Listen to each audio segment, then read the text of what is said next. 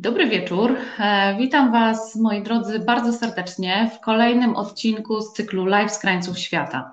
To nasze już 99. spotkanie, więc bardzo wyjątkowe dla mnie i szczególne. Zresztą dzisiaj jest też taki bardzo wyjątkowy dzień, więc wybaczcie, że nie witam się z Wami z pełnym uśmiechem, ale e, podobnie pewnie jak w Waszych głowach, w mojej też kłębi się tysiąc myśli i chyba nie ma dzisiaj osoby w naszym kraju, która nie zastanawia się, się, co może się wydarzyć, bo dzisiejszy poranek przyniósł nam coś, czego się chyba e, nie do końca spodziewaliśmy. E, więc e, moi drodzy, ja ze swojej strony przekazuję naprawdę duże wsparcie i dla wszystkich naszych przyjaciół, znajomych, e, którzy mieszkają i są na Ukrainie, e, takie duże, duże serducho ode mnie i od całego mojego teamu Wam, e, moi drodzy, wysyłam. Jesteśmy myślami z Wami i trzymajcie się, bądźcie silni i dajcie radę. Mm, macie nasze duże wsparcie. Zresztą cały świat patrzy się w tej chwili, co się dzieje i, i wysyła Wam dużo, dużo wsparcia.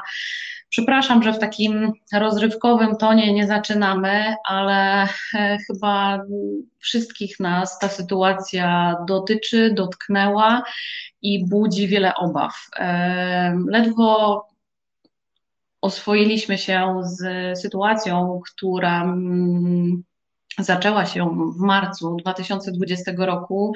Myślę i mówię tutaj o pandemii. E, niespełna dwa lata później e, mamy kolejny bardzo poważny kryzys, e, który, który się szykuje i który na pewno nie będzie trwał chwili.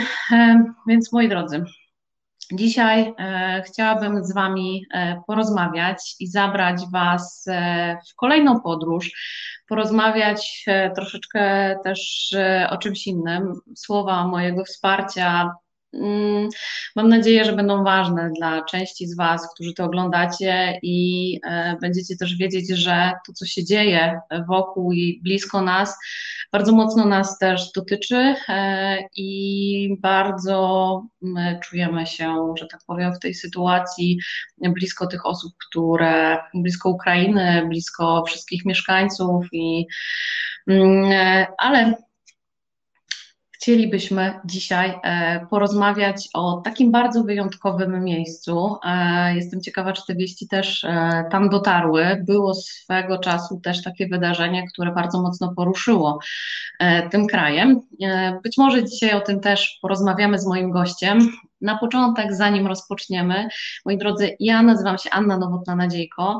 E, dajcie znać proszę w komentarzach, kto jest dzisiaj z nami. Domyślam się, że mm, spora część z Was e, Spora część z Was, słuchajcie, ogląda w tej chwili wiadomości, fakty i tego, co słuchacie e, przywódców różnych krajów, którzy się wypowiadają na temat tej sytuacji, na temat ich spojrzenia na to, co, co wydarzyło się dzisiaj na Ukrainie. Ja postaram się tego wieczoru e, przenieść Was w trochę inny świat, e, świat, który jest e, i mam nadzieję cały czas będzie naszą codziennością, a więc podróże na krańce świata. Mm, jestem właścicielką biura podróży SkyDreams, które specjalizuje się w organizacji wyjazdów dla firm. E, je, dlaczego te wyjazdy są takie ważne, dla kogo one w ogóle są. Te wyjazdy są ważne z punktu widzenia relacji, e, budowania relacji z klientami, a także integracji z pracownikami, e, więc jeśli to są zagadnienia, które gdzieś tam siedzą w Was, w Waszej głowie, albo macie w związku z tym pytania, to bardzo serdecznie zachęcam do tego, żebyście się do nas odezwali, żebyście napisali do mnie w komentarzu. Dajcie znać, czy braliście kiedyś udział w tego typu wyjazdach, projektach e, i e, z jakimi emocjami dla Was e, te projekty się wiążą. Wielu z Was też pisało do nas, że zarażamy Was energią, że zarażamy Was pozytywnym spojrzeniem na świat i inspirujemy do poznawania go poza utartymi szlakami. I dla wszystkich z Was stworzyliśmy też kilka takich projektów, na które możecie się zapisać. Korzystając z tej okazji, dla tych wszystkich ciekawych świata, e, podróży i tego, co oznacza słowo poza utartymi szlakami, e, mam zaproszenie e, takie last minute, ponieważ jutro razem z Och Kawiarnią organizuję takie wyjątkowe wydarzenie o godzinie 18 w Poznaniu, na Wildzie takie w realu, słuchajcie, takie na żywo, w którym będzie można porozmawiać zarówno ze mną, jak i e, z Ewą Chojnowską-Lesiak, e, którą chyba bardziej kojarzycie jako szpilki w plecaku. E, taki ma profil Ewa założony zarówno na Facebooku, jak i na Instagramie. Jutro spotykamy się i porozmawiamy o tym, co dla nas oznacza podróżowanie poza utartymi szlakami, gdzie lubimy podróżować. Postaramy się też opowiedzieć Wam i dać dać trochę protipów, jak my przygotowujemy się do naszych podróży i wyjazdów. Więc jeśli macie ochotę na wieczór w miłym gronie, z lampką Prosecco, z pysznymi przekąskami yy, i także z niespodziankami, które Ewa ze sobą przywioz, przywiezie, właśnie niedawno wróciła e, z Zanzibaru i z Tanzanii, gdzie była razem z grupą, więc ma mnóstwo takich ciekawych rzeczy z podróży, którym będziemy chciały się podzielić. Mam mnóstwo też niespodzianek dla Was, będzie loteria, więc słuchajcie, będzie się dużo działo. Ja już się nie mogę doczekać, więc jeśli jesteście z Poznania lub Podkolic, albo chcielibyście poznać mnie, Ewę, to bardzo, bardzo serdecznie Was zapraszam do niezwykłego miejsca, Och Kawiarnia na Wildzie.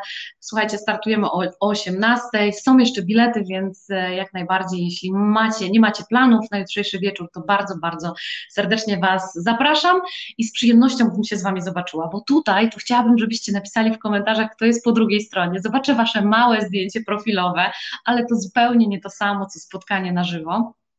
Więc e, to z takich najbliższych wydarzeń, więc jutro w Poznaniu na Wildzie niesamowite spotkanie dwóch fantastycznych podróżniczek i wielu osób, którzy kochają podróże, którzy też przyjdą z nami na ten temat porozmawiać i spędzić bardzo miło piątkowy wieczór. Poza tym e, mamy też dla Was propozycję wyjazdu na Sri Lankę, wyjazdu, który stworzyłam razem z dwoma niesamowitymi kobietami, z Ewą Piserą, która mieszka od wielu lat na Sri Lance i z Katarzyną Pakosińską, która tworzy cudowne warsztaty warsztaty, cudowne warsztaty rozwojowe. Będziemy w drodze, będziemy przez 9 dni podróżować po Sri Lance i będziemy mm, rozwijać się, słuchajcie, rozwijać się, uduchawiać się i uczyć chodzić po rozżarzonych węglach także.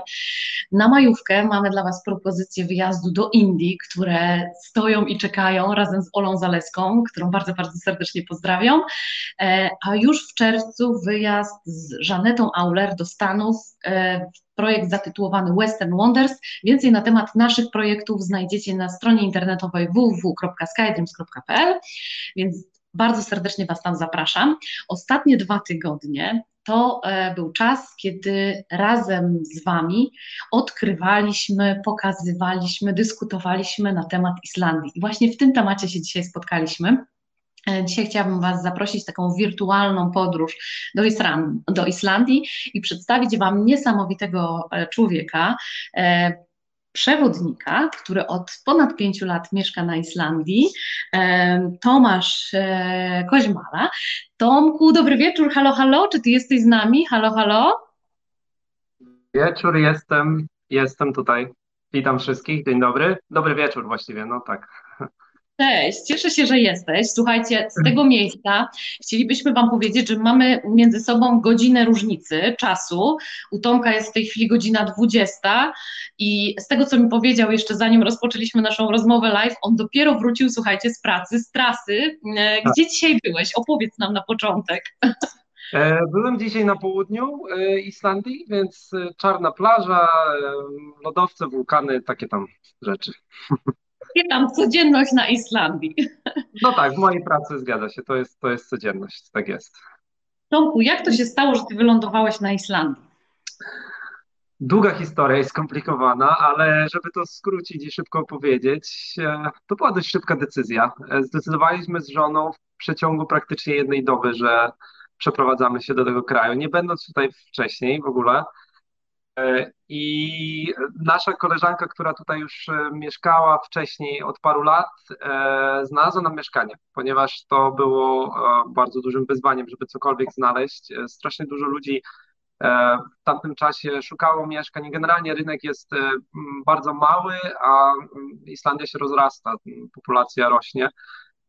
No i w związku z tym było ciężko znaleźć to mieszkanie, ale ona jakimś cudem znalazła, tylko że był jeden warunek, musimy podjąć decyzję w przeciągu jednego dnia. No i gdzieś tam w głowach naszych wcześniej tliła się taka myśl, że e, przeprowadzimy się gdzieś, bo trochę zaczynamy się nudzić, trochę nas nosi. E, no i padło na Islandię, chociaż nie myśleliśmy w ogóle o Islandii, myśleliśmy bardziej o jakiejś Nowej Zelandii, Australii, może jakieś wyspy owcze, ale padło na Islandię i stwierdziliśmy, no jak nie teraz, no to kiedy? To później już nam się pewnie nie będzie chciało. No i tak żeśmy w przeciągu mm, tam, nie wiem, paru dni kupiliśmy bilety i mm, zdaje się, że niecałe dwa tygodnie później wylądowaliśmy już na Islandii. I to było pięć lat temu. Tak, i to było pięć lat temu, dokładnie 10 marca będzie pięć lat teraz. Wow, no to fantastycznie, że nasze spotkanie akurat odbywa no, się bardzo blisko tak, tak, tak. do tej daty. Dokładnie. Tomku, powiedz e, naszym widzom, hmm. bo ja to jestem ciekawa w ogóle, czy oglądają nas te osoby, które były na Islandii, są ciekawe, czy opowiemy im o tych magicznych miejscach i przypomnimy kilka z nich, czy są to hmm. osoby, które się zastanawiają, czy Islandia to jest kierunek dla nich, więc moi drodzy, wy w komentarzu hmm. napiszcie, bo my jesteśmy z Tomkiem naprawdę bardzo ciekawi tego, kogo mamy po drugiej stronie, e, a my postaramy się e, znaleźć coś dla jednych i dla drugich, ale koniecznie napiszcie. Ela pisze, hej, hej, Tomek najlepszy przewodnik na Islandii. No wiadomo, słuchajcie, Skyrim zawsze z najlepszymi pracuje, więc no tutaj nie było wcale przypadku. E, Tomku, tak na sam początek, e, mm, gdzie ta. Islandia się znajduje? To wasze pakowanie i ten wyjazd to był na kraniec świata. E, jak długo się leci na Islandię? Wcale nie, tak naprawdę. Wcale to nie był żaden kraniec świata. To znaczy, myśmy też mieli takie wyobrażenie przed wylotem, e, że Islandia to jest e, strasznie, strasznie daleko na końcu świata. E, tak się wydaje, natomiast z Polski tak naprawdę leci się około 4 godzin. Mamy bardzo dużo połączeń bezpośrednich z Reykjaviku, znaczy nie z samej stolicy, bo lotnisko jest oddalone 40 minut jazdy samochodem, natomiast mamy wiele miast w Polsce ma bezpośrednie połączenie. Warszawa, Kraków, Katowice, Wrocław, Gdańsk. To się teraz trochę zmieniło przez COVID, ale już wracają te połączenia, więc wcale to nie jest daleko. A Islandia sama w sobie, no jakby kilometrowo patrząc, no to jest kawał drogi, bo to jest jakieś 3000 kilometrów. Jest to wyspa, e, której bliżej tak naprawdę do Grenlandii niż do, do Europy kontynentalnej, pośrodku tak naprawdę zimnego Oceanu Atlantyckiego. E, natomiast tak jak mówię, no połączenie z Europy jest bardzo przyjazne, wiele miast bezpośrednio lata do Reykjaviku i tak samo z Ameryki to jest mniej więcej tak po środku, z Nowego Jorku leci się jakieś około 5 godzin do, na Islandię, więc tak w połowie drogi powiedzmy, ale blisko Grenlandii, patrząc geograficznie, bardzo blisko Grenlandii. Mhm. Też dlatego to jest kierunek, który Amerykanie też bardzo lubią, że nie jest to kierunek tylko tak. spotkać tylko i wyłącznie Europejczyków, ale Amerykanów zdecydowanie też. Czy ty to potwierdzasz? Zgadza się. E, głównie zorganizowane wycieczki, zdecydowanie Amerykanie. E, zdecydowanie najlepszy rodzaj turysty dla mnie. Dzisiaj akurat padło takie pytanie też, e, miałem na wycieczce znajomego mojego kolegi, i, i zapytał się właśnie, których najlepiej, to było fajne pytanie, których najbardziej e, lubię turystów, którzy są bezproblemowi i powiedziałbym właśnie, że Amerykanie i, i też dlatego, że ich jest najwięcej, ale też dlatego, że naprawdę są e, super otwartymi ludźmi, zawsze się z nimi fajnie rozmawia i zawsze jakieś fajne ciekawości, ciekawe znajomości nawiązuje. Więc my, myślę, że, że tak. I teraz głównie mamy Amerykanów na, tak naprawdę na Islandii e, i dużo też Brytyjczyków. Natomiast ludzie z Europy też przybywają, ale na przykład czy Niemcy, czy Polacy wolą organizować sobie e, sami wyprawy, że tak powiem, pożyczać mhm. samochód i jeździć samemu, próbować. Mhm. Samochód albo kampera, bo wiem, że dzisiaj albo oglądam. Kampera nasza bardzo serdeczna mhm. koleżanka e, mhm. Ania Wentel razem ze swoją rodziną, bo zapowiadała się, że razem z rodziną będzie naszą rozmowę dzisiaj oglądała. Oni akurat kamperem e, zwiedzali Islandię. Ja widziałam całą relację, była naprawdę niesamowita, więc każdy, o, oglądają, oglądają, widzisz, pozdrawiają nas bardzo serdecznie. Pozdrawiamy Słuchajcie, wysyłamy. My również byliśmy, ale nie odkryliśmy całej Islandii, więc zamierzamy wrócić. No właśnie, to jest moje kolejne pytanie. Tomek. Cześć, byłam jeden raz i znowu się wybieram, niesamowite miejsce, pisze Jadwiga. E, rewelacja, więc przede wszystkim dwa pytania. E, czy to jest właśnie taki kierunek, który pojedziesz raz i e, pod względem powierzchni, w ogóle możliwości zobaczenia tej wyspy, czy można powiedzieć, że czy jest po co wracać, jak gdyby, mm, wiesz, bo są takie miejsca czasami, że pojedziesz, odhaczysz największe atrakcje i jak gdyby, no już nic więcej tam ci nie zostaje, chociaż e, ja bardzo lubię przełamywać ten stereotyp e, i, i to zwiedzanie poza utartymi szlakami jest takim moim e, konikiem i ulubioną rzeczą, bo to wcale nie oznacza, że to nie może być wyjazd zorganizowany i, i tym bardziej przez biuro podróży.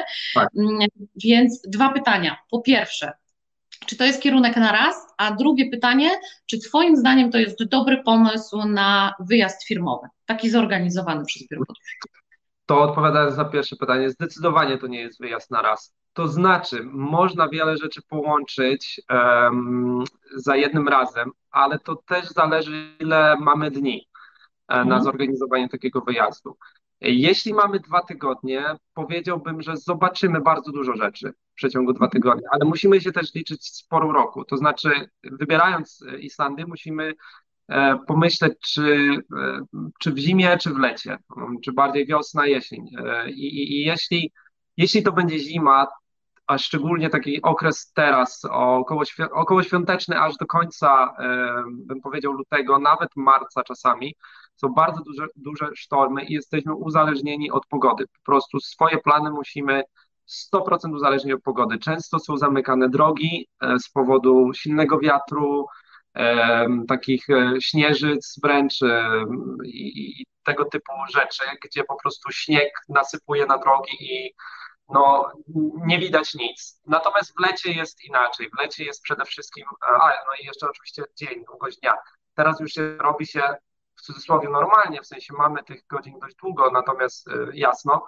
Natomiast e, tak w, i, i zarówno w grudniu, jak i w styczniu e, jest tylko 4-5 godzin jasno, więc tutaj też musimy to wziąć pod uwagę. Natomiast w lecie jest kompletnie odwrotnie przez 3,5 miesiąca od maja do połowy sierpnia nie ma w ogóle nocy, więc 24, na dobę, 24 godziny na dobę jasno, możemy zwiedzać ile wlezie, aż do upadłego, aczkolwiek ja zawsze bym, doradzałbym podzielenie Islandii na, na kawałki i zjadać ją trochę jak tort, bo tak naprawdę jak się jest za pierwszym razem, to, to naprawdę wciąga I, i, i później już chce się drugi raz przylecieć i trzeci i naprawdę znam wielu ludzi, którzy którzy byli raz i to im nie wystarczyło, nawet jak byli tydzień.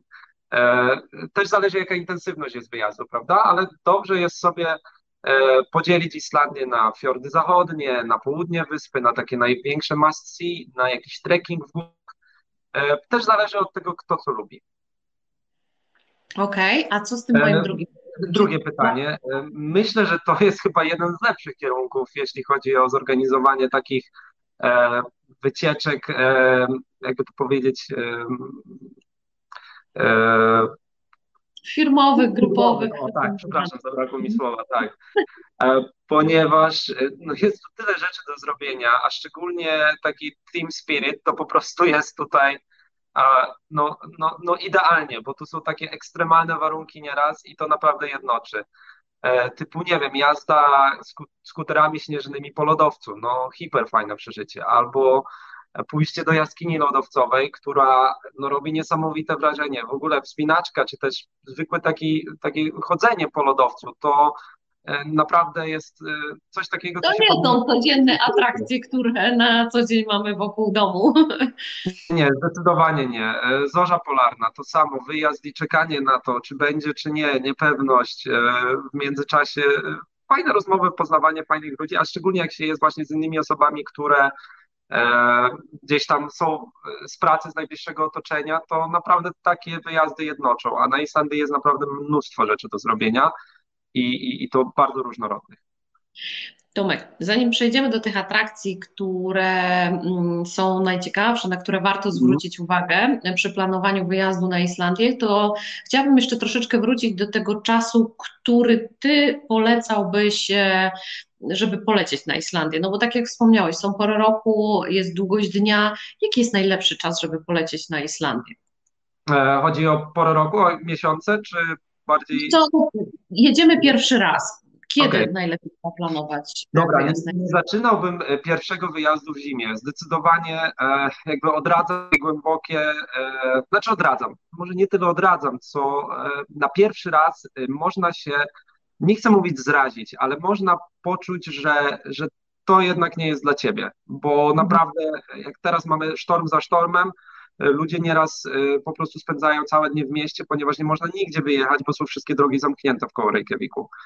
Um, albo Zresztą też... my dzisiaj się też zastanawialiśmy, czy nam się uda spotkać. Tak, tak, dokładnie. Rano miałem zamkniętą drogę główną i musiałem zrobić objazd, więc zeszło mi co najmniej 45 minut dłużej, więc też dlatego wróciłem trochę później um, i tak na, na styk byłem. E, natomiast no, ostatnie dni też miałem dość wolnych trochę dni, ponieważ no, nigdzie nie mogliśmy się ruszyć. W Reykjaviku wiało, albo na przykład była piękna pogoda w Reykjaviku, a poza Reykjavikiem już okropny sztorm i huragan wręcz, prawda? Już może wieć, wiać nawet do 250 km na godzinę. No, są to niesamowite porywy wiatru i e, także no, z powierzchni ziemi. Można się nauczyć latać łatwo.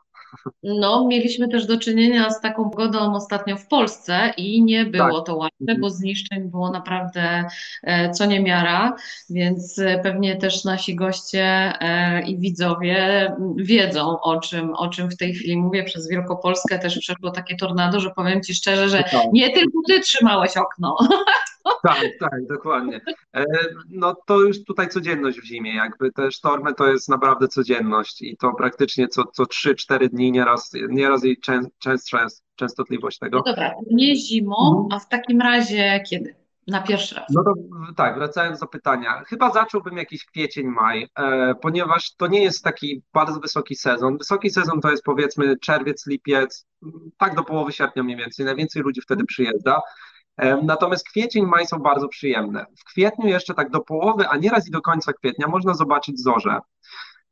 Taki dodatkowy plus, ponieważ mamy jeszcze trochę godzin z, e, z nocą, prawda? No i możemy zobaczyć malutkie te mm, maskonury te takie kolorowe ptaszki, prawda? Ludzie bardzo lubią. To jednym z symboli, tak, Islandii. Tak, to jest taka światowa stolica, prawda, e, maskonurów i ludzie przyjeżdżają, więc już od kwietnia, chociaż nie zawsze, one czasami to jest takie mm, dość ruchome u nich, czasami się dopiero w maju pojawiają, natomiast widziałem wielokrotnie też nawet godzinę jazdy od Reykjaviku na takich klifach nad oceanem, e, to było gdzieś w połowie kwietnia chyba, więc chyba zacząłbym kwiecień, maj. E, bardzo lubię też sierpień, drugą połowę sierpnia albo wrzesień, natomiast jeśli chce się zrobić jakieś trekking po górach, jakieś, jakieś, jakieś chodzenie, no to tylko i wyłącznie lipiec i sierpień wchodzi w grę. Nieraz czerwiec, ale to wszystko zależy od tego, czy są drogi, e, tak zwane F drogi otwarte, to są drogi, które prowadzą w interior Islandii i które są często e, też zamykane przez, przez powód, tam są rzeki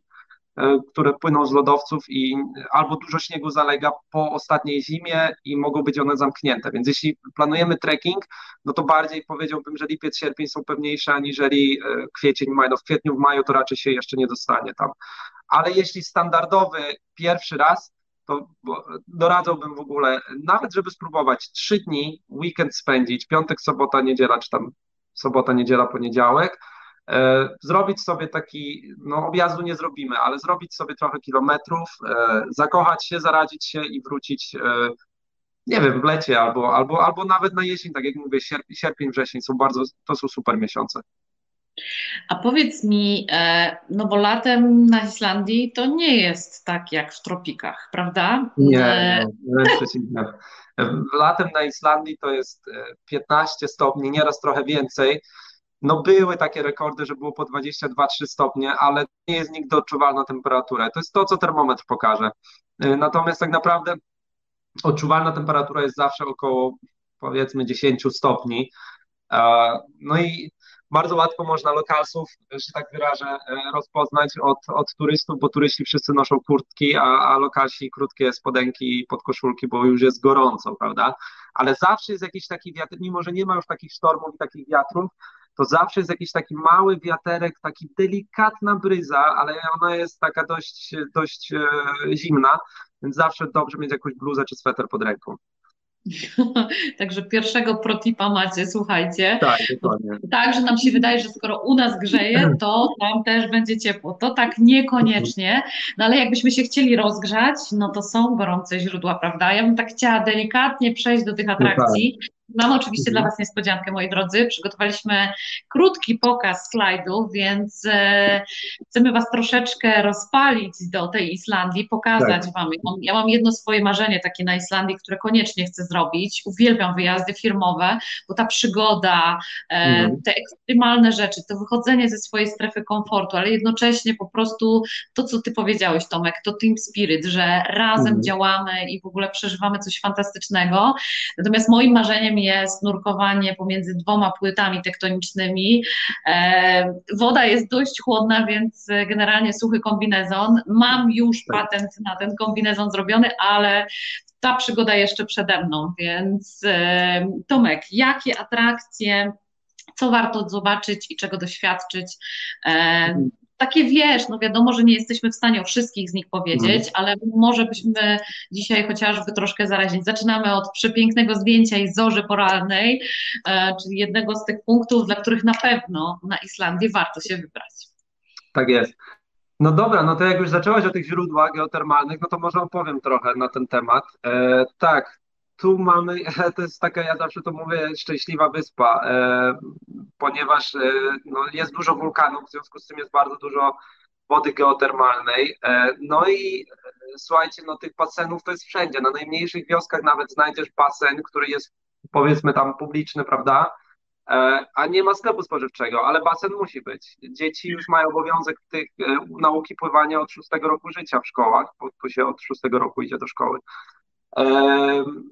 i baseny również są dzikie, takie małe źródła, e, praktycznie rozsiane po większości Islandii, tylko tam trochę na tych fiordach wschodnich jest ich mniej, ale tak to, to wszędzie można je znaleźć, no praktycznie na każdym kroku i, i, i tylko po prostu trzeba wiedzieć gdzie. E, więc powiedziałbym, że no ja to uwielbiam. To jest taki mały rytuał, my mamy u siebie w rodzinie, że idziemy, e, idziemy na basen, najpierw się rozgrzać, a później idziemy na lody. I nieważne, czy jest zima, czy jest lato, po prostu to jest takie taka rzecz, którą musimy zrobić, prawda? E, bardzo to lubię. Natomiast, A powiedzmy, jaka jest temperatura w tych basenach, bo to są naturalne baseny, o tych mówisz. Nie, tak, no, to są naturalne geotermalne baseny, natomiast to wygląda jak e, zwykły basen, taki powiedzmy, tak jak u nas są, tylko że one są na zewnątrz. Mhm. Jest parę basenów, które są wewnątrz, takie, że mają taki, taką małą nieckę wewnątrz, natomiast większość jest na zewnątrz. I tam jest temperatura między no to zależy, taki zwykły basen do pływania to tam jest chyba 28 stopni, natomiast takie te hotpoty, jacuzzi, prawda, no to tam jest między 34 a 45 stopni i są po prostu z różnymi temperaturami, można sobie wybrać jakie się chce, oprócz tego są sauny, które wchodzi się do nich od, od zewnątrz i takie balie z wodą małe, gdzie się zmieści jedna osoba i tam jest woda zimna, tak do, do 10 stopni maksymalnie. Się schłodzić i iść do gorącego. I to jest takie hartowanie trochę, dlatego też no bardzo długo żyją Islandczycy też, bo nie chorują, bardzo mało chorują. Mhm. E, A to znaczy, o, tutaj macie maskonury, słuchajcie, tak o których rozmawialiśmy z chwileczką. E, co to znaczy długo żyją? Ile? To znaczy, że, że jakby no, patrząc na wszystkie statystyki, większość tych statystyk mówi, że naj, najdłuższa, najdłużej żyją Skandynawowie. Bo też jest bardzo mała e, lekomania. E, w ogóle nie ma tej lekomanii. Jest w ogóle zakazane reklamowanie e, leków w telewizji. I długo żyją to znaczy po prostu tyle, że są bardzo aktywni. I przez to, przez to, przez to że, że też są szczęśliwym narodem, to wynika właśnie z tego, że, że nie przejmują się za bardzo tym, jaka jest pogoda na zewnątrz. Wychodzą nie, niezależnie od tego, czy jest czy jest zimno, czy wieje. Wiadomo, jak jest huragan, no to, to nie, ale generalnie, e, generalnie to, to nie ma złej pogody, prawda? Są tylko złe ciuchy, tak jak mówią.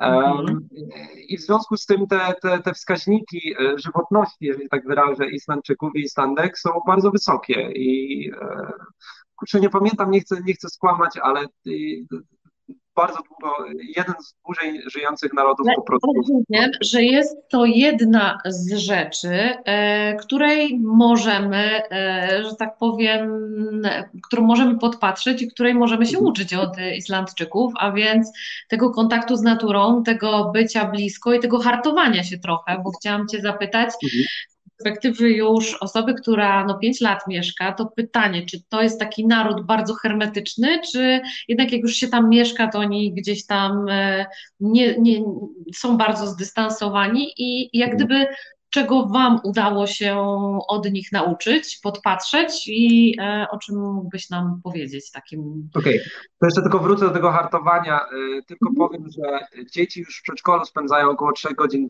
dziennie na zewnątrz i to niezależnie od pogody. Naprawdę musi być bardzo siarczysty mróz, których praktycznie nie ma, e, albo huragan. Wtedy nie wychodzą, ale to jest dosłownie na palcach jednej ręki można po, policzyć dni mhm. w roku. Natomiast wracając do Twojego pytania. E, jakie było pytanie?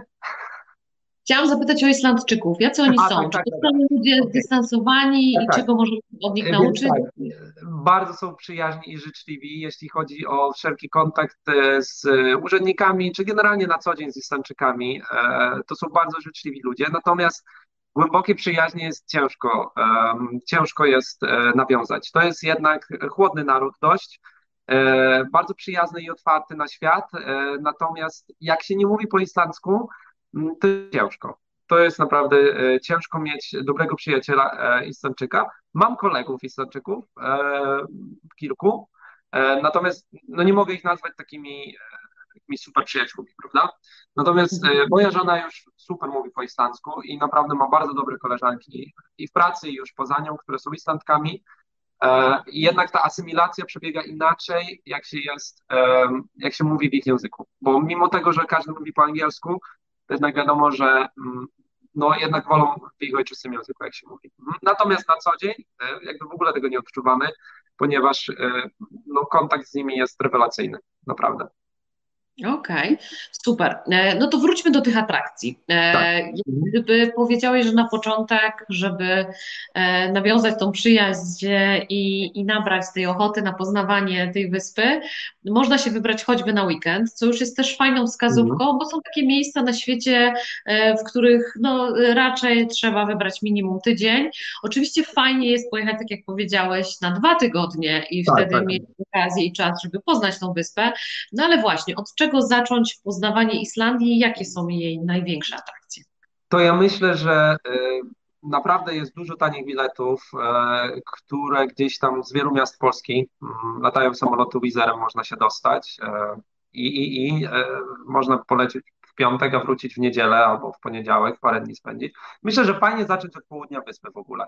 Mhm. Południe wyspy to jest takie miejsce no dość magiczne, ponieważ tam można i pochodzić po lodowcu, i można e, pójść na czarną plażę, i można się wspiąć na wulkan, i można pojechać na piękną lagunę lodowcową, na diamentową plażę, wejść do jaskini lodowej, e, no wiele, wiele różnych rzeczy e, i, i to jest takie fajne miejsce na pierwszy raz, wydaje mi się, ponieważ droga jest cały czas prosta, wszystkie atrakcje są w miarę przy drodze, wiadomo jak tam się chce człowiek troszeczkę zagłębić, to trzeba, e, trzeba zboczyć e, z drogi.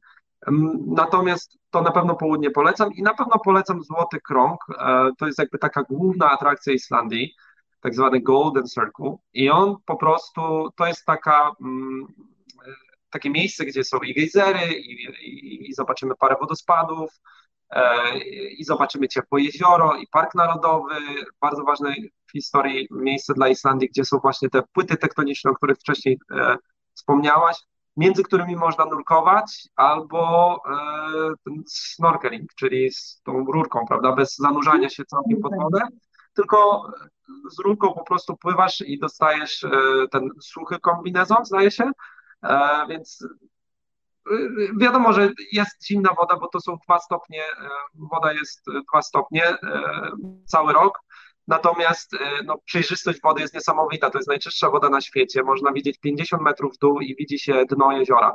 No to jest po prostu niesamowite, a nurkuje się między dwoma płytami tektonicznymi. Tak, to jest, to jest też super atrakcja, więc jak najbardziej. E, na końcu tej trasy jest wodospad, taki złoty wodospad, Good Foss, i e, to jest jakby taka baza wypadowa, gdzie można dojechać do drugiego największego lodowca na Islandii, nazywa się Długi Lodowiec, Langiokut na, po, po islandzku. E, I tam właśnie są organizowane wycieczki na, na skutery śnieżne. a przy okazji również do jaskini lodowej. Tam albo z drugiej strony też można dojechać do tego lodowca, więc to jest też super. Ten lodowiec jest dość, dość płaski, tam się nie organizuje żadnych e, takich e, chodzenia, chodzenia czy wspinaczki po lodowcu, ponieważ jest e, mało szczelin lodowcowych tam i nie jest to za atrakcyjne. To jest na południu, takie coś można zrobić na południu. I tam można sobie na południu i pochodzić po lodowcu i naprawdę krajobraz, jak dojeżdżasz do E, Laguny Lodowcowej, no to jest chyba moje ulubione miejsce. Ja po prostu uwielbiam tam jeździć. E, widzisz już z drogi, zaczynasz widzieć te schodzące górskie lodowce, które wypełniają całe doliny. Widzisz ten, ten, ten niebieski e, lód, no po prostu za, za, zapierający dech w piersiach. Jak się dojeżdża, o teraz jest na zdjęciu Laguna i największy lodowiec na Islandii, który jest też największym w Europie przy okazji, no to naprawdę to się stoi i jest takie wow, no naprawdę to istnieje. A żeby zobaczyć tak zielono, to trzeba pojechać hmm. latem albo wiosną, rozumiem. Tak, tak latem. Jak... E, latem, jeśli tak zielono, to bardziej od maja, od połowy maja gdzieś. Maj, czerwiec, e, lipiec i do sierpnia, e, bo już we wrześniu zaczyna się jesień tak naprawdę. Sezon taki letni to jest naprawdę bardzo krótki, trwa 2-3 miesiące. A żeby zobaczyć te łubiny, nie wiem czy tam na którym zdjęciu były takie kwiatki bardzo fioletowe, to one rosną wszędzie. No to jest jakiś okres, zdaje się, czerwiec, lipiec. One też dość krótko, na jakiś miesiąc, dwa e, kwitną i później przekwitają. Tomek, powiedziałeś, że praktycznie z każdym dogadamy się po angielsku, bo to jest kolejne pytanie e, i obawa bardzo często przed mhm. rozpoczęciem podróży. E, w jakim języku dogadamy się z, z mieszkańcami? Więc odpowiedziałeś, że już po angielsku. E, to jest super rzecz. Natomiast drugie pytanie jest takie, bo cały czas mówimy o tym, że drogi, że jedziemy. Jak możemy się przemieszczać po Islandii? I właśnie, czy my lądując po prostu wynajmujemy samochód? Jakie są opcje przemieszczania się po wyspie. Mhm. Wszystko zależy tak naprawdę od budżetu um, i tego, czy jeśli mówimy o zorganizowanej takiej wycieczki, wycieczce właśnie firmowej, chyba najlepszą opcją po prostu jest e, wynajęcie busa. Um, I to jest jakby jedyna opcja. Na Islandii przede wszystkim tak, nie ma pociągów, natomiast autobusem tak pozamiejskim dojedziesz, ale nie naokoło całej Islandii, bo on dojeżdża do fiordów wschodnich, później wraca i od północy też można pojechać na północ, ale nie jedzie na przykład na fiordy zachodnie, ale też wraca z północy na południe, więc jakby nie jedzie e, całym, całą, ca, całe kółko, więc e, ani nie ma pociągów, ani nie ma, ani te autobusy są tak, kursują też średnio i też czasami przyjeżdżają, czasami nie, tak bardzo w islandzkim stylu bym powiedział. E, no, opcją są jeszcze małe takie lokalne lotniska, których jest zdaje się około 10 na całej wyspie, więc jeśli mamy dobry, e, większy budżet, no to możemy się w ten sposób przemieszczać, natomiast te loty są e, dużo droższe niż loty na przykład do Polski. Okay. E, więc wydaje mi się, że najlepszą opcją jest albo wynajęcie firmy lokalnej tutaj i też można sobie taki wielodniową wycieczkę kupić i wcale nie wychodzi jakoś tak wbrew pozorom super drożej, natomiast chyba nieco tańszą opcją jest to, żeby wynająć e, busa, jeśli to jest sposób, i zwiedzać e, wyspę po prostu na własną rękę, ewentualnie wynająć kogoś takiego jak ja, kto pojedzie i po polsku powie wszystko, co się widzi, prawda? Czy tam po angielsku, jak kto woli. No, widzicie, także moi drodzy. To jest samo reklama, ja tylko mówię, bo ja nie jestem jedyny, tak? To też jest dużo osób, dużo Polaków, którzy, którzy to robią, nie tylko ja. Wiesz co, ale to jest bardzo ważne. Wiesz doskonale, że ja jestem ambasadorem e, zwiedzania świata, poznawania mm. go z przewodnikami. E, oczywiście, jeśli możemy porozmawiać w naszym ojczystym języku, to nie mamy tej bariery językowej, nie tracimy pewnych informacji po drodze, e, a po drugie, no ja mam dobre doświadczenia w tej chwili, w dobie tej, że możemy poznać przewodnika jeszcze zanim się z nim spotkamy, mm. więc wiemy, czy jest między nami chemia, czy to jest taki typ osobowości, tak, tak. którym chętnie spędziłbym kilka dni, to to jest w ogóle rewelacja. No i też słuchajcie, mm. właśnie dlatego, między innymi są te live i spotkania, żebyście mogli się zainspirować e, do tego, żeby zebrać swoich najlepszych klientów lub też pracowników i wybrać się w miejsce, które Wam się najbardziej spodoba, a przy okazji, dzięki tym spotkaniom macie okazję też poznać e, naszych partnerów i ludzi, z którymi współpracujemy w różnych miejscach na świecie. Także jeśli macie jakieś takie zapytania związane z organizacją, integracją, e, wyjazdem, wyjazdem właśnie dla klientów, wyjazdem motywacyjnym, to pamiętajcie, że SkyDreams się w tego typu wyjazdach specjalizuje, ale mamy też kilka programów takich indywidualnych, także zaglądajcie na naszą stronę internetową, tam dużo rzeczy się dzieje. Dobra, Tomek, wiemy już jak podróżować, wiemy też, że można się wybrać kamperem, a teraz powiedz mi, jak wynajmujemy samochód, to to jest samochód osobowy, czy to jest jakiś taki samochód terenowy ze względu na te drogi i różne e, przygody, które nas mogą po drodze spotkać? E, znowu zależy od tego, gdzie chcemy jechać. Jeśli chcemy, e, ponieważ Islandia tak naprawdę ma jedną główną drogę, która idzie wokół całej Islandii, tak zwany ring road.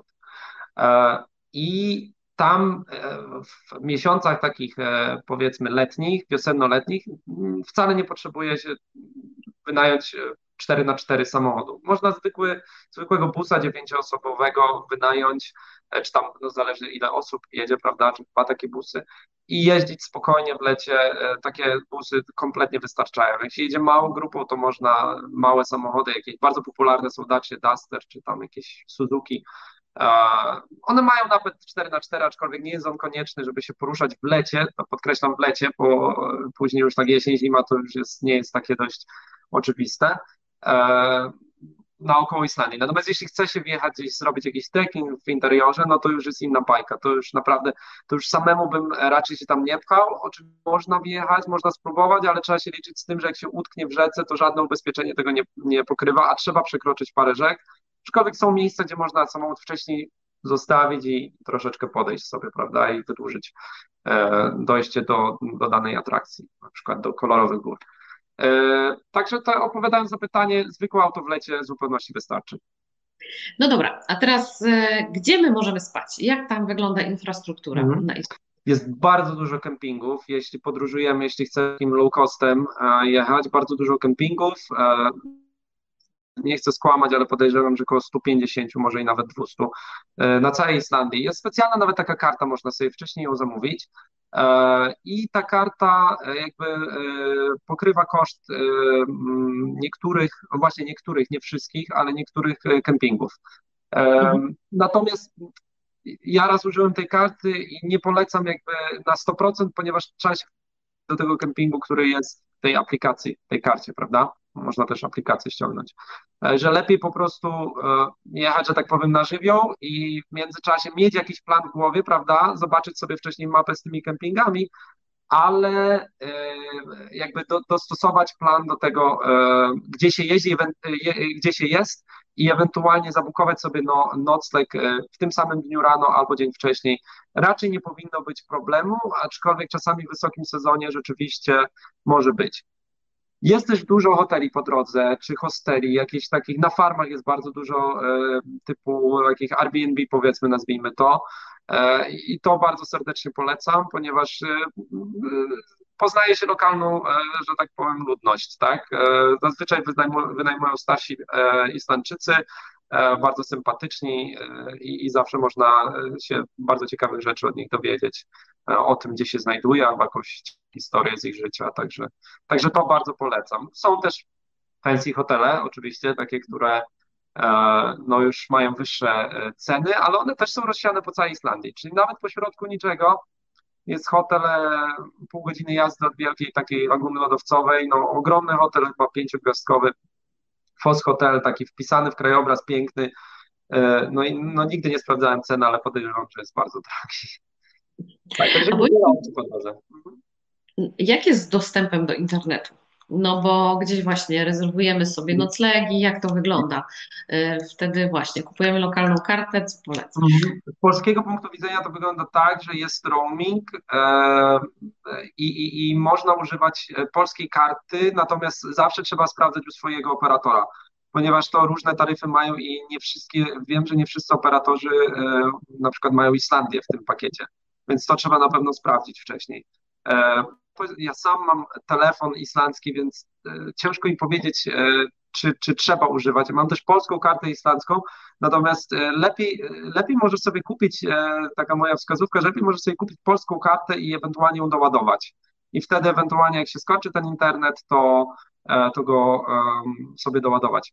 Ale to tylko tak naprawdę jak się jest pośrodku niczego, ponieważ jak się jest gdzieś, w, jakiekolwiek są zabudowania, Islandia naprawdę świetnie sobie poradziła z dostępem do internetu, można, jesteś, nie wiem, w, na szczycie lodowca i masz dostęp do internetu, czy generalnie jest sygnał, możesz się połączyć, prawda? Może nie gdzieś tam bardzo, bardzo daleko, ale gdzieś tam jak jest się z zorganizowaną wycieczką na lodowcu, spokojnie jest e, połączenie. Nie ma raczej e, takich bra braku sygnału, nie spotkałem się jeszcze z tym. E, Tomek, ty masz dzisiaj przygotowane pytanie konkursowe, ja mam nagrodę, tak. a my chcielibyśmy, okay. moi drodzy, włączyć Was do rozmowy, bo nam się tutaj świetnie tak rozmawia, jak zawsze zresztą. Dokładnie. Tomek, to jakie jest pytanie konkursowe, a ja Wam pokazuję, co dla Was mam. Okej, dobra. E, tylko proszę nie googlujcie. Spróbujcie może sami e, wpaść na to. Chociaż może być trudno. E, słuchajcie, to pytanie brzmi, e, kto według Was był pierwszym człowiekiem na świecie, to stanął na Ameryce Południowej, e, no, przepraszam, Północnej. Kto był pierwszym, podpowiem, Europejczykiem, ale to nie jest żadna podpowiedź w sumie, kto stanął na ziemi Ameryki Północnej. Kto był tam pierwszy? To jest pytanie. I co I to, to ma wspólnego z Islandią? O tym się dowiecie No dobra, moi drodzy, więc wy sprawdzajcie albo się zastanawiajcie, a my ruszamy dalej i to pytanie ma coś wspólnego z Islandią, bo tak, tak miało. Wbrew pozorom. Wbrew pozorom, e, niech Was nie zmyli. No dobra, e, wiemy już, e, czym możemy się poruszać, wiemy już, w jaki sposób możemy się dogadać z mieszkańcami. Rzecz, która z pewnością wielu osób ciekawi, to jest też to, mm, co my możemy zjeść na Islandii, jakie są specjały lokalnej kuchni i od razu nawiązując do kuchni i jedzenia, jakbyś powiedział, czy Islandia to jest z cyklu krajów drogich, e, tak dla nas, dla Polaków. Jak, jak byś e, ją sklasyfikował? E, sklasyfikowałbym jako drogą, tak? E, jeśli chodzi, szczególnie jeśli chodzi o jedzenie. E, bo noclegi powiedziałbym, że to jest chyba bardzo podobny poziom jak, jak w krajach Europy Zachodniej. Natomiast jeśli chodzi o jedzenie, jest e, droga. Um, więc zacząłbym od tego, że takim, taką szybką przekąską, co wszyscy jedzą w podróży, to są hot dogi. One są rewelacyjne, to jest taki miks mięsa baranie, baraniny i wieprzowiny. E, podobno też moczą to mięso e, wcześniej e, w piwie, więc fajnie smakuje. E, oni też mają bzika na punkcie sosów, więc zawsze bierzcie ze wszystkimi sosami, jakie są dostępne, a zazwyczaj są trzy. E, no i do tego jeszcze cebula zwykła i prażona. To zawsze. E, lody to inna sprawa, ale to już powiedzmy, e, to jest tak, że tak powiem, temat poboczny, bo lody też im, im bardziej im bardziej jest szalona pogoda na zewnątrz, im bardziej śnieży, im bardziej jest zimno, tym większe kolejki są do lodziarni. Więc tak, tak to zawsze tak, jest. Kraj to obyczaj tak jak mówię, ludzie się schładzają po prostu po gorących basenach, więc nieraz widzisz dziewczyny z mokrymi włosami w kolejce, to jest bardzo, bardzo częste, w kolejce do, po lody. Natomiast takie bardzo e, potrawy które tradycyjne, no to generalnie owoce morza plus e, baranina. Baranina smakuje rewelacyjnie, naprawdę rozpływa się w ustach i nie trzeba być jakimś ekspertem. Ja sam robiłem, nie jestem jakimś fantastycznym kucharzem i sam robiłem wielokrotnie taką gicz baranią wielką, można kupić w markecie. No i e, wystarczy, że się natrze tam jakimiś ziołami, doda czosnku, wsadzi do piekarnika, poczeka dwie godziny i ona jest no po prostu rewelacja, rozpływa się w ustach, naprawdę, ani nie, nie ma szans po prostu tego przesuszyć, ani zepsuć tej potrawy. Czujemy się zaproszeni, Tomek, ty się nic nie martw, także... Zapraszam, tak jest. Już niedługo się z pewnością wybierzemy. Dajcie znać, czy lecicie ze mną, to uprzedzę Tomka trochę wcześniej. Tak jest, tak jest. Bo słyszycie, że dwie godziny się czeka, więc słuchajcie. Tak jest. E, następną e, taką bardzo tradycyjną potrawą, którą je się e, głównie w okolicach świąt, to jest e, fermentowany rekin i płaszczka, taka płaska, znaczy ja nie wiem do końca, że to jest płaszczka, ale to jest taka płaska ryba, e, ona się nazywa skata po islandzku i ona jest również fermentowana. E, I w związku z tym, że tam jest, e, że zachodzi ten proces fermentacji, wydziela się amoniak i to śmierdzi okropnie, zarówno rekin, jak i ta płaszczka. ale tak śmierdzi, szczególnie płaszczka, że ten zapach się unosi później dnie, jak nie tygodnie w tym domu, więc, więc to jest, to może niekoniecznie bym polecał. Natomiast rekin, e, rekin, jakby ten zapach tej, tej, tej fermentacji, tego sfermentowanego rekina jest okropny, natomiast jak już się spróbuje, wcale nie, nieźle smakuje. Jest taki sposób, żeby trochę zabić ten, e, ten zapach nie wiem, czy nas dzieci oglądają, no ale to jest po prostu alkohol. Więc jest taka wódka, która się nazywa Brainy Bean, czyli takie palące wino, można powiedzieć, albo czarna śmierć, niektórzy to nazywają. No i e, po prostu dwa szoty i, i okej, okay, można jeść tego rekina. To nie jest cały kawałek, to są takie malutkie kawałeczki, prawda? Więc, więc e, warto to spróbować. E, zupa islandzka to jest kolejna jakby taka propozycja, kiot zupa. To jest po prostu e, mięso baranie z marchewką, cebulą, różnymi warzywami e, i takim specjalnym serkiem topionym, który się dodaje do tej zupy.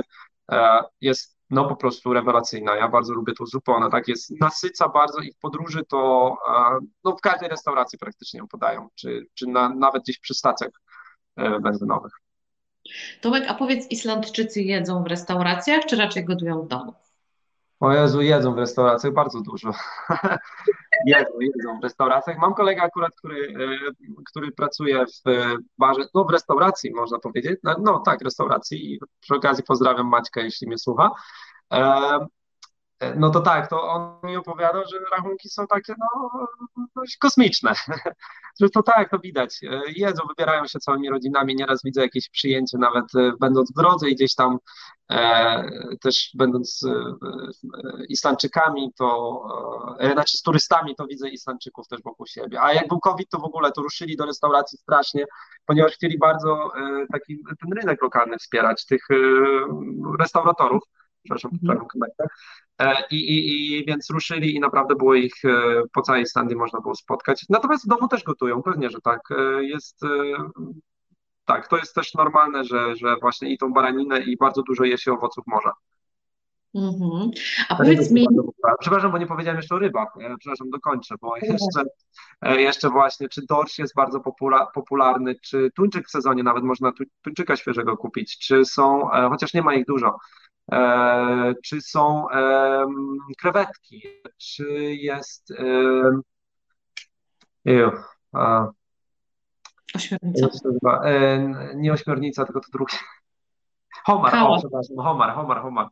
E, homar to jest też bardzo popularne. Bardzo na wschodzie Islandii jest bardzo dużo homara, nawet burgery i pizzę z homarem można kupić. Takie trochę gumowate to jest, ale ja bardzo to lubię. Tak. I dużo farm, ostatnio powstało dużo farm e, rybnych, e, więc jest też hodowany e, nie tyle dorsz, co łosoś. Łosoś bardzo dużo. On jest troszeczkę, powiedziałbym, że no jednak trochę gorszy od tego dzikiego. Natomiast dzikie też są i też można kupić w, w sklepach rybnych. Mhm. Okej, okay. no dobra, czyli w restauracjach, czy tu już wiemy, że tutaj się trzeba przygotować. E, a jaką walutą się posługujemy na Islandii? E, koroną islandzką. I to jest taki przelicznik dość trudny dla nas, czy e, taki dosłownie? Nie, nie powiedziałbym, że trudny. To tak się zaokrągla, że mniej więcej 1000 koron to jest około 30 zł. Więc e, 1000 koron, no teraz 32 zł powiedzmy, tak? Mhm no brzmi to skomplikowanie, ale jakby ja już tego nie przeliczam, prawda? Ale gdzieś tam e, wiem, że ludzie przylatując przeliczają i no brzmi to skomplikowanie, ale można się wkręcić i, i wchodzi później. Tą walutę wymieniamy na Islandii, czy przyjeżdżamy z walutą na Islandii? Nie, broń Boże, w ogóle nie bierzemy w ogóle waluty, bierzemy kartę płatniczą, a najlepiej pewnie kredytową, chociaż wcześniej dobrze skonsultować ze swoim bankiem, jaki jest przelicznik, czy jest stały przelicznik, czy używają jakiegoś E, zależnego od tego odwahania e, waluty, bo też tak banki wiem, że używają. I, I, też e, wiem, że preferencyjnie jest mieć kartę kredytową z polskiego banku, przynajmniej niektórych, ale to mówię, to trzeba się u siebie w banku dowiedzieć. Kartą się zapłaci wszędzie, dosłownie wszędzie. Jest dosłownie na Islandii, gdzie się nie zapłaci kartą, jest może pięć w sumie. Może za jakąś toaletę nie można zapłacić, albo nie wiem, prysznic na, na kempingu. A tak to za wszystko płacimy kartą. Wszędzie są dotykowe i to działa rewelacyjnie i nie ma co kombinować, nie ma co przeliczać i przywozić drobnych, chyba że chce się dać e, tipa gdzieś w restauracji czy coś, chociaż też można przecież kartą, prawda, dać tipa, więc... To też bardzo ważne, bo to czasami nas stresuje, że mamy ze sobą gotówkę tak, i ile, tak. że coś tam, że zniknie i tak dalej. No i jeszcze jedna, jedna wskazówka, przepraszam, dokończę. E, wiem, że się sprawdza karta Revolut. Ona niedawno weszła dopiero do Islandii i wiem, że się bardzo sprawdza i oni mają chyba najbardziej w tej chwili preferencyjne. Także sprawdźcie, jeśli przyjeżdżacie, jeśli macie w planach, to sprawdźcie Revoluta i sprawdźcie informacje u Was w banku, jak będzie przeliczane, czy, czy dla Was korzystniej będzie założyć tego Revoluta, bo to zdaje się, trzeba mieć osobne y, konto i kartę, czy, czy korzystniej będzie w banku debetową czy kredytową. No to, Przepraszam, to, to rozwiązanie w ogóle na, na różne miejsca na świecie, ale trzeba tak, sprawdzić tak. E, przelicznik. To jest też bardzo istotna tak, wskazówka. Zgadza się. Zgadza się.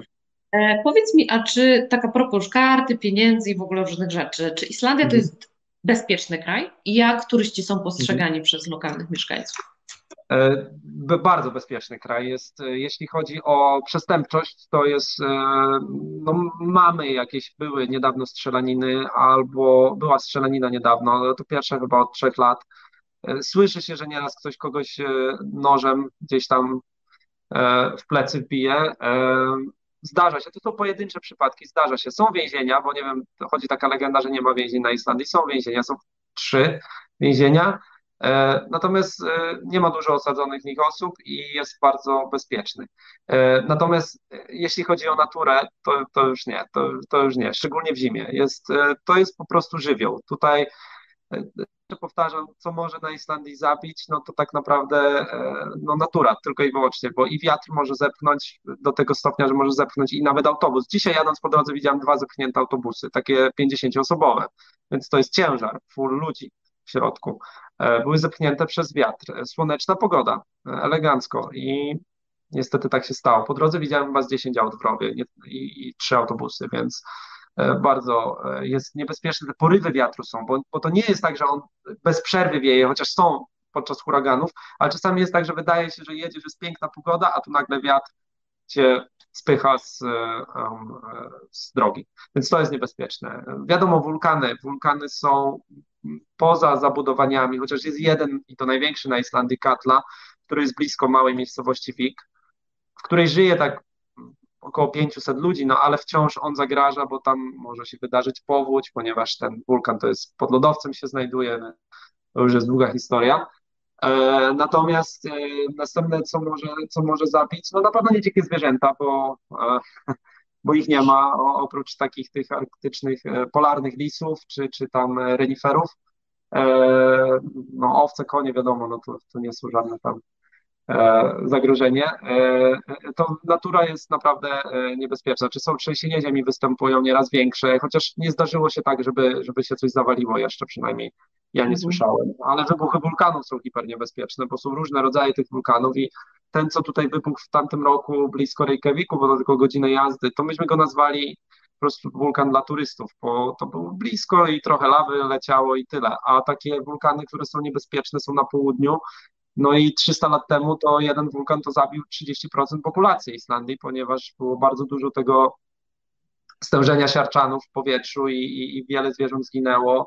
Ludzie słońca nie mogli przez to, przez to widzieć e, bardzo dużo miesięcy i, ro, wszystkie rośliny pozdychały, więc to też był problem. Więc takie naturalne katastrofy i powodzie również na południu się zdarzają. To jeśli o to chodzi, to Islandia jest no, bardzo niebezpieczna, e, więc trzeba uważać, szczególnie w zimie i na wiosnę, jak są powodzie. Natomiast resztę, tak jak mówiłem, jeśli chodzi o czynnik ludzki, no to jeden z najbezpieczniejszych krajów świata. Zgadzam się. Super. Ja myślę, że to dobry moment na to, żebyś odpowiedział. Sprawdzimy, jakie są odpowiedzi na nasze pytanie konkursowe. Okay. A Ciebie za momencik poproszę o to, żebyś troszeczkę więcej na ten temat powiedział. Dobra. Zobaczmy, co napisali nasi widzowie. Ja uwielbiam ten moment zawsze, każdego naszego live'a, bo słuchajcie, no jesteśmy po to, żeby być w jakiejś interakcji E, z Wami, więc jesteśmy tak też jest. bardzo ciekawi, czy udało Wam się dotrzeć w ogóle do tych informacji, tych historii. Napięcie rośnie, a my sprawdzamy. Lars Eriksson, to jest Ania Kota. Proszę. E, Kamil pisze Kolumb. No nie. Sprawdzamy dalej. Kasia Grobelna pisze John. No też nie, chyba że jest o czymś, co nie wiem, ale nie. Sprawdzamy dalej. Mario pisze, ten, co stoi Tak pod jest. kościołem. Nie będę Aha, dobra. Okej, Mario. Mario ma rację, ale jeszcze nie, nie do końca wiemy kto. Jakiś wiking. Wiking Kasia. Tak. E, Brawo, to jest, to jest, to jest prawidłowa odpowiedź. To jest prawidłowa odpowiedź, czyli w końcu się udało, tak? Czyli Leifur szczęśliwy, tak jest, Leif Erikson. Mhm. To jest Super. odpowiedź. Małgosiu, bardzo serdecznie gratulujemy. Prosimy, żebyś się do nas odezwała po live, żebyśmy wiedzieli, gdzie mamy Ci wysłać, moja droga, nagrodę. Więc super, cieszymy się bardzo. E, Było trochę odpowiedzi bardzo różnych, no a teraz opowiadaj Super. historię w takim razie.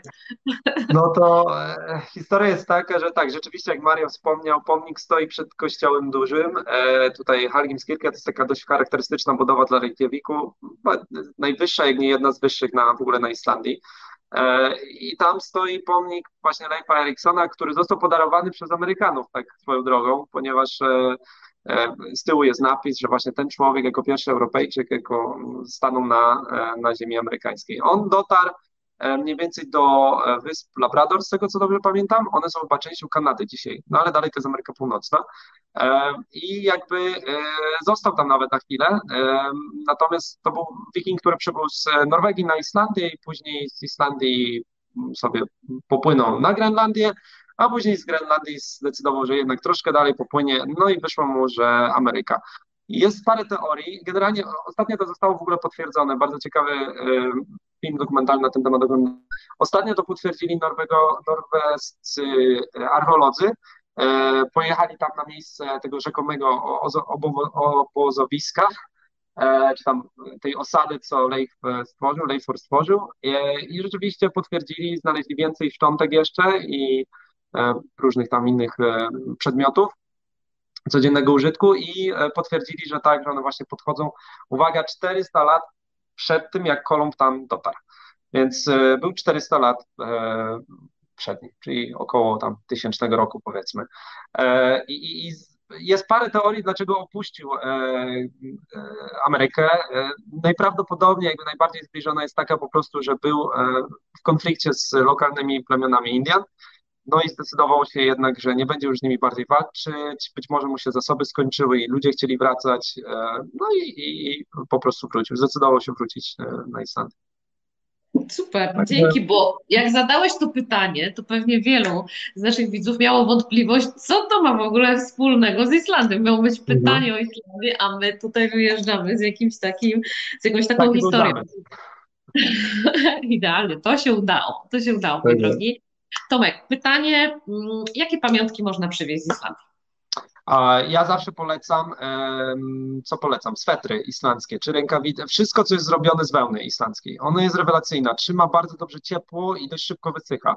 E, Nie trzeba jej prać. E, Ja nigdy swojego swetra nie prałem. E, Może wyjdę teraz na jakiegoś dziwaka, ale nie, nigdy go nie prałem. On po prostu nie śmierdzi i jest z takiego materiału, że jakby go wyprać, to się kurczy bardzo szybko, E, więc e, to jest wełna dość drapiąca, ale do tego się idzie przyzwyczaić. E, Ja naprawdę bardzo rzadko używam kurtki, naprawdę muszę iść gdzieś, e, że tak powiem, dalej, żeby kurtkę używać. Wystarczy mi podkoszulek, sweter i na to lekka bluza. I to jest wystarczająco moje ubrane, ubrane codziennie. Ten sweter trzyma ciepło rewelacyjnie. E, Jak się go nosi na wierzchu, to tak jak mówię, zmoknie, szybko, szybko wysycha. E, Dobrym pomysłem jest też e, kamień, może chociaż nie powinienem do tego zachęcać, bo oficjalnie nie powinno się zabierać ani żadnych e, kamieni lawowych, ani żadnych z plaży, w ogóle nie, ale sprzedają je jako pamiątki. E, To można je kupić jako pamiątkę, prawda? E, Robią takie świeczniki, prawda, z tych kamieni lawowych, więc można może, może coś takiego kupić. Bardzo fajne są kosmetyki na, na bazie ziół islandzkich. Jakieś e, nawet pasty do zębów, czy płyny do e, e, żele pod prysznic, czy do mycia włosów, pachnące, takie, my bardzo używamy z brzozy, taki płyn do mycia ciała. i jest rewelacyjny, pachnie bardzo fajnie, zawsze mi ten zapach przypomina Islandię w ogóle. Bardzo dobre czekolady są, bardzo dobre mają, jest taka mała wytwórnia czekolad, Omnom się nazywa i te czekolady to są no, rewelacyjne, bardzo, bardzo je lubię.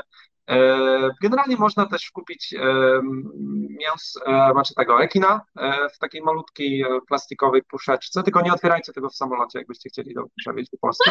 Was wyrzucą. One są w zamrażarce, one są w zamrażarce, więc można po prostu jakoś to odwinąć i, i, i wziąć ze sobą. Co jeszcze, nie pomyślę. Zawsze jakieś magnesy zdążę, ale to takie bardziej, bardziej takie no made in China, bo, bo nie powiem, że one gdzieś tam są handmade. Ale naprawdę bardzo polecam produkty generalnie z wełny i fajne ubrania. Jest taka marka islandzka, nie wiem czy mogę powiedzieć, kurczę już tyle nazw, mogę. Nazywa się Nord 66 i oni e, produkują rzeczy, wprawdzie większość nie na Islandii, ale to jest islandzka marka, która ma E, siedzibę tutaj i a Szpanie zdaje się chyba na Łotwie, ale mniejsza z tym. Jakość tych ubrań jest rewelacyjna. Ja noszę parę sezonów i nawet je używam na co dzień, to e, są super. Są outlety, gdzie one są tańsze, ponieważ to są dość drogie ciuchy, e, więc można też to. Co jeszcze? Niech tak pomyślę, niech pomyślę. Fajne są, bo wiem, że... Proszę? Widzę, że ktoś tu zakupy lubi. Nie, ja nie lubię zakupów, ale często mi ludzie o to pytają, dlatego tak mi e, przychodzi, e, po prostu mówię to, co mi przychodzi do głowy. E, wiem, że też ludzie kupują jejku, książki, albumy z islandzkimi krajobrazami, ponieważ one w Polsce są ciężko dostępne. Jest paru fajnych fotografów, które robią takie mm, dość niekonwencjonalne zdjęcia, bardzo fajne ujęcia, na przykład z dronów, E, z góry Islandia wygląda rewelacyjnie, więc e, takie coś też polecam jak najbardziej, żeby, e, żeby przywieźć. A ja się teraz pytam, tych, którzy już byli na Islandii, co Was najbardziej zachwyciło w Islandii? I Tobie to samo pytanie chciałabym zadać i zapytać, co zachwyciło Ciebie i Twoją żonę, że to, że mhm. tam pojechaliście, to jest jedno, ale że postanowiliście zostać. Okej. Okay. Mhm. To najpierw ja, czy ty opowiadaj, a my poprosimy aha, naszych widzów, to oni napiszą. Aha, no, okay. dobra, teraz dobra, zobaczymy, co to tam było i co się pokrywa z tym, co ty powiesz. Pewnie. E, dlaczego żeśmy zdecydowali zostać? E, przede wszystkim dlatego, że żyje się bardziej na luzie. Ludzie są, nawet nie chodzi o tą serdeczność ludzką, tylko o, o takie codzienne podejście do życia. Jest takie przysłowie islandzkie, mówi się feta, redas, nie wiem, czy to dobrze wypowiadam, bo ja, mój islandzki jest dość słaby, ale no, to znaczy między innymi, to znaczy coś takiego, wszystko się ułoży. Jakby żyj dzisiejszym dniem, wszystko się ułoży. Oni żyją na wyspie, gdzie jest mnóstwo wulkanów i lodowców, więc jakby no z tym żyć, muszą jakby wśród tych wszystkich niebezpieczeństw żyć na co dzień, więc jakby się przejmowali tym, że kolejny wulkan, który jest za rogiem, zaraz wybuchnie, no to można było zwariować. Więc po prostu to jest takie fajne, chociaż czasami nie powiem, czasami jest troszkę wkurzające, że to jest takie za bardzo, że to jest takie za bardzo. Mówisz się z kimś, a on nie przyjdzie, bo zapomniał i nawet ci nie da znać. I jakby to jest takie bardzo islamskie, prawda? I nikt nie robi tego na złość, po prostu tacy są. Okay. Następna sprawa, która mnie zachwyciła, to no, krajobrazy, no, no i ta natura, która jest naprawdę taka dość nie, no, no nieposkromiona, ona jest taka e, bardzo gwałtowna, taka e, zmienia się naprawdę bardzo co chwilę. Widząc te same krajobrazy, dwa różne dni można mieć całkiem inne odczucia.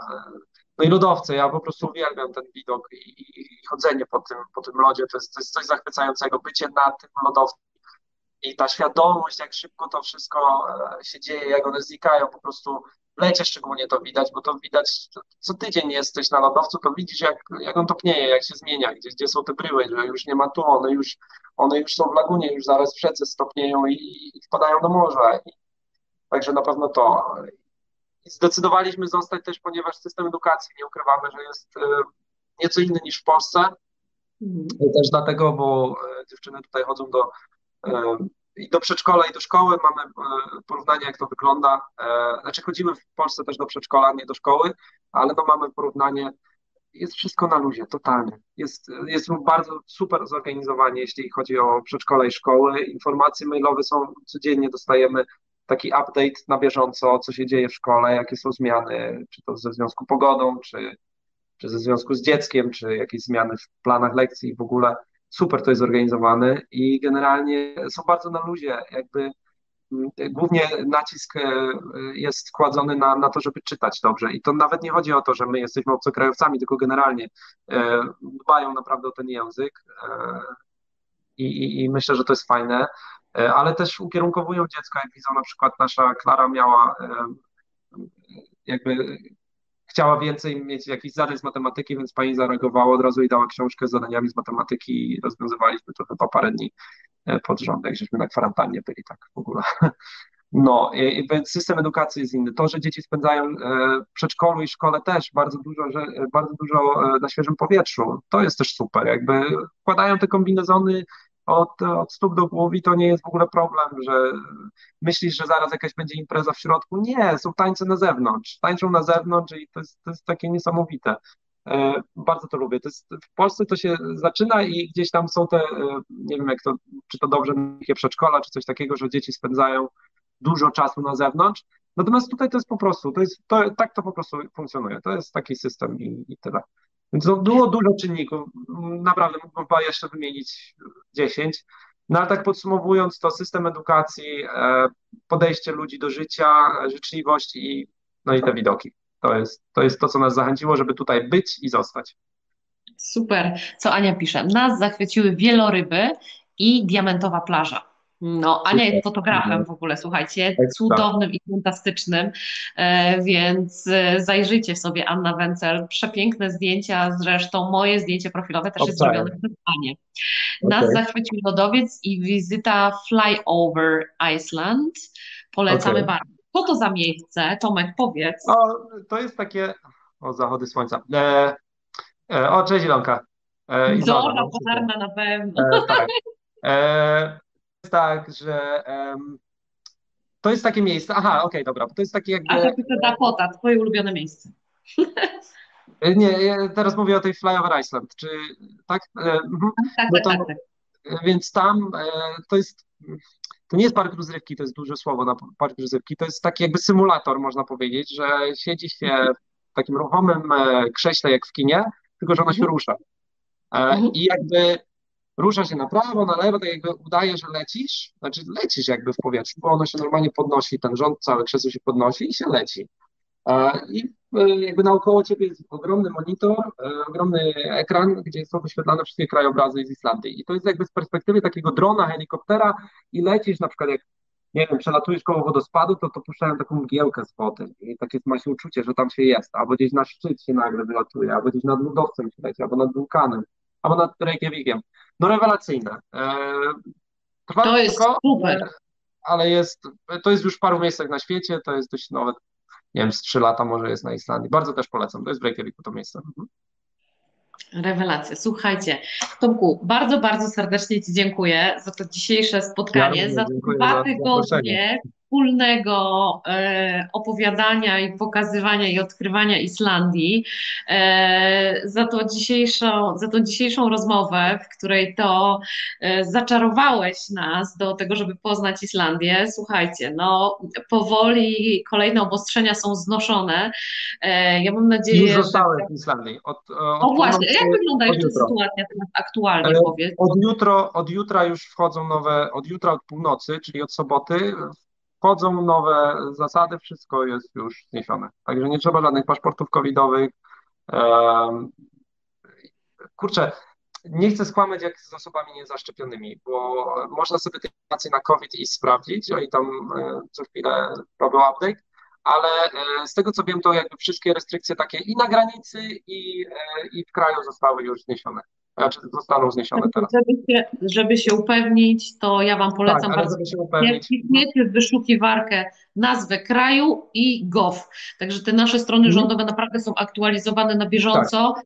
E, wiarygodne źródło polecam Wam serdecznie. Tak, Zresztą wiarygodne. Mhm. poniedziałek e, przygotowujemy razem z moim zespołem takie aktualne informacje ze świata turystyki, gdzie mówimy o nowych Mhm. restrykcjach, o tym, co się pojawia jak się przemieszczać. I my zawsze tam Mhm. też dajemy Wam linki do tych stron, więc e, bardzo, bardzo serdecznie polecam to miejsce. Ja widzę się z Wami na pewno w poniedziałek, opowiem Wam, co w którym kraju się dzieje, co się szykuje. No i od przyszłego tygodnia e, zaczynamy kolejny cykl z następnym niezwykłym krajem. Przed nami setny odcinek, więc z tego miejsca bardzo serdecznie Was zapraszam. E, będzie trochę niespodzianek, obiecuję przygotować razem z moim gościem, e, którego Tomek bardzo dobrze zna, jak to się Mm. okazuje. Wybieramy się tym razem do Indii, słuchajcie. O, Także Tomku, te, Ciebie też oczywiście bardzo serdecznie zapraszam na, naszą, na nasz urodzinowy live za dwa tygodnie, więc z tego a miejsca jest bardzo jak to będzie? Aha, już wiem, dobra, okej, dobra, już wiem. A ja te karty przed Wami odkryję. Tomek się uśmiecha, Dobra. więc wiecie, że będzie dobrze. Tak, tak. Więc słuchajcie, z tego miejsca bardzo serdecznie dziękuję, że byliście dzisiaj z nami, że jesteście z nami podczas tych live'ów, że komentujecie, że wysyłacie nam masę serca i serc i takiej pozytywnej energii. My jesteśmy tutaj dla Was. E, Specjalizujemy się, tak jak powiedziałam na początku, w organizacji wyjazdów dla firm. Nie oznacza to wcale, że e, poruszamy się tylko po utartych szlakach. O tym przekonam Was jutro podczas spotkania w Poznaniu razem z Ewą Chojnowską-Lesiak, która będzie moim gościem. E, Będziemy rozmawiać o podróżowaniu, o niezwykłych rzeczach, o odkrywaniu, o tym, jak my się przygotowujemy do podróży. Więc jeśli nie macie planów na piątkowy wieczór, a jesteście z Poznania lub okolic, bardzo serdecznie zapraszam Was na to spotkanie, takie na żywo, e, tak na prawdziwo, takie w realu, słuchajcie. I cóż, spotykamy się za dwa tygodnie. Bardzo serdecznie Wam dziękuję i zapraszam Was do tego, żebyście śledzili nasze profile na Facebooku, LinkedInie, Instagramie i jesteśmy też oczywiście na YouTubie. Jeszcze z lodówki nie wyskakujemy, ale jakbyście mieli jakiś pomysł, jak to można zrobić, to koniecznie dajcie znać albo zajrzyjcie do mojego najnowszego artykułu w Sukcesie po poznańsku. Tam opowiadam o Be Happy Muzeum na przykład w Poznaniu, w którym można wejść do lodówki i zrobić sobie takie fantastyczne zdjęcie. Także Tomku, jeszcze raz bardzo serdecznie Ci dziękuję. Ja również dziękuję Za to- Tobie za zaproszenie i dziękuję e, wszystkim widzom i chciałbym jeszcze na koniec tylko e, zaprosić na także e, za nią się widzicie jutro, a ze mną w przyszłości na Islandii. I chciałbym jeszcze powiedzieć na koniec, że jestem myślami i całym sercem z tym, co się dzieje na Ukrainie i z moimi przyjaciółmi, którzy tam są i, i naprawdę wspieram. Jestem z Przemyśla, więc to jest miasto przygraniczne z Ukrainą. E, mam nadzieję, że, że wszystko się jakoś ułoży i, i będzie lepiej.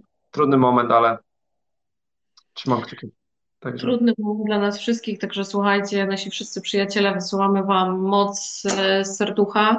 Trzymajcie się i jeśli możemy Wam jakkolwiek pomóc, to oczywiście odzywajcie się, dawajcie znać. pewnie. E, A Tomku, wszystkiego dobrego, wszystkiego ciepłego, Również, trzymajcie się również. dobrze, pozdrowienia dla całej dobrego. rodzinki. Dziękuję również, pozdrowienia dla tego zespołu i całej rodziny. Dzięki, Dzięki do zobaczenia. spotkanie, do zobaczenia. Pozdrowienia z Islandii.